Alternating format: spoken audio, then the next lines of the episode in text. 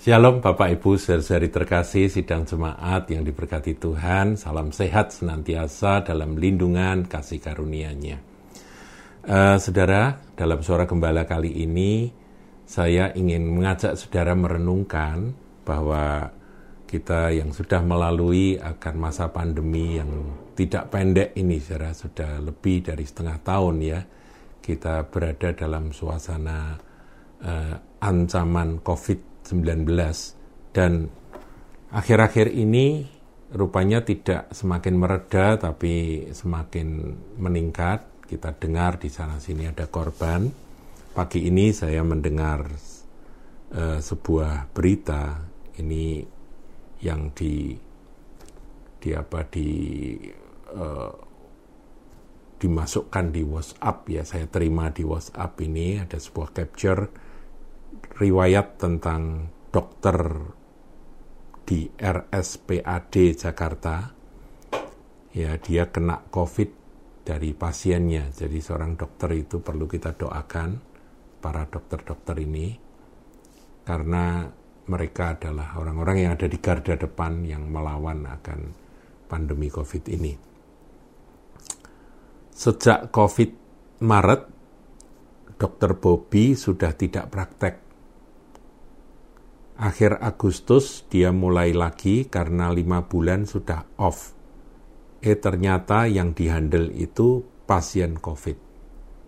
Beliau terkena COVID dari pasien, jadi ketularan, dan sudah 15 hari di rumah sakit isolasi. Kemudian dimasukkan gamma ras dan terapi plasma. KU sudah stabil, jadi sudah mau dipulangkan dua hari lalu mengeluh sakit perut kanan di RO ternyata ada pendarahan. Dan tadi malam jam 22.43 pass away dan rasanya memang benar seperti mimpi karena beliau sudah sembuh ternyata meninggal dunia juga. Sudah sembuh lima bulan lalu, ternyata virus tetap ada dan menyerang lagi saat daya tahan tubuh menurun. Jaga kesehatan dengan baik, kesadaran sendiri untuk hidupmu sendiri. Ya, ini tanggal 12 bulan 9. Jam 11.43 eh, berita ini di di di apa itu disebarkan di WA. Saudaraku, lepas dari tepat tidaknya kebenaran dalam berita ini, kita tahu bahwa hidup manusia itu memang 100% ada di tangan Tuhan. Memang kalau ada bahaya-bahaya semacam ini, bahaya penyakit COVID-19 ini kita harus uh, lebih waspada, itu tanggung jawab kita. Tetapi bagaimanapun juga kita harus sadar bahwa nyawa kita, hidup kita itu ada di tangan Dia. Saya bacakan saudara apa yang dikatakan oleh Rasul Paulus di dalam 2 Korintus 1 ayat 9. Bahkan kami merasa seolah-olah kami telah dijatuhi hukuman mati. Tetapi hal itu terjadi supaya kami jangan menaruh kepercayaan pada diri kami sendiri, tetapi hanya kepada Allah yang membangkitkan orang-orang mati.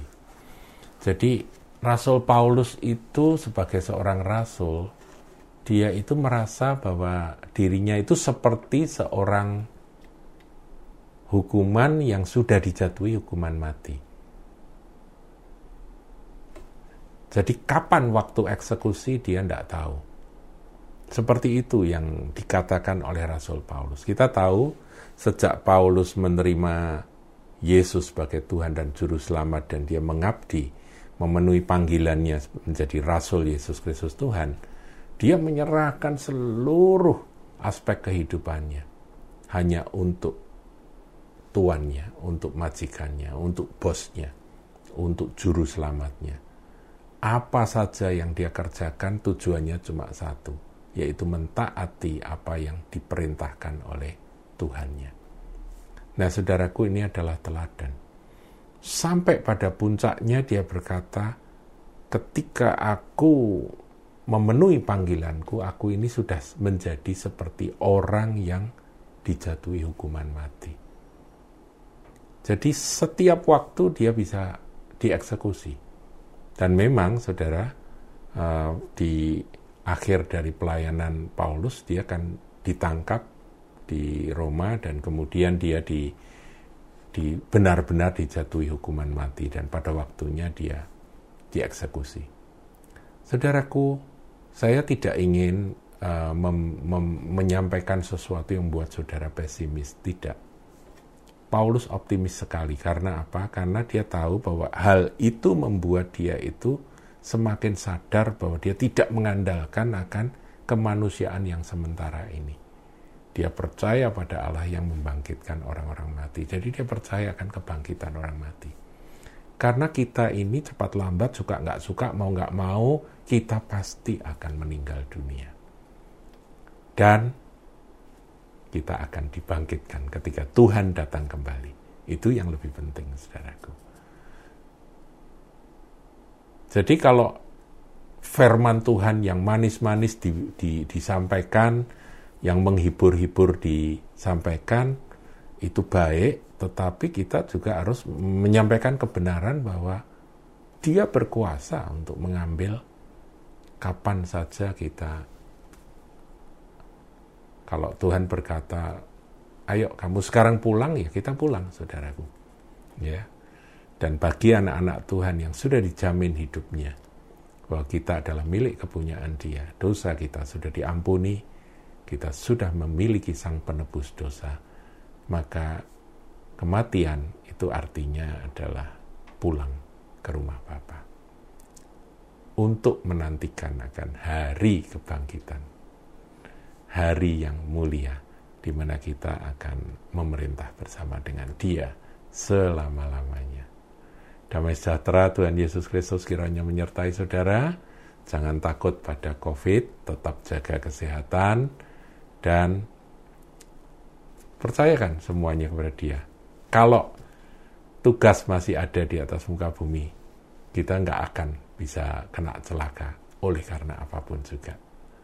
Tuhan Yesus memberkati.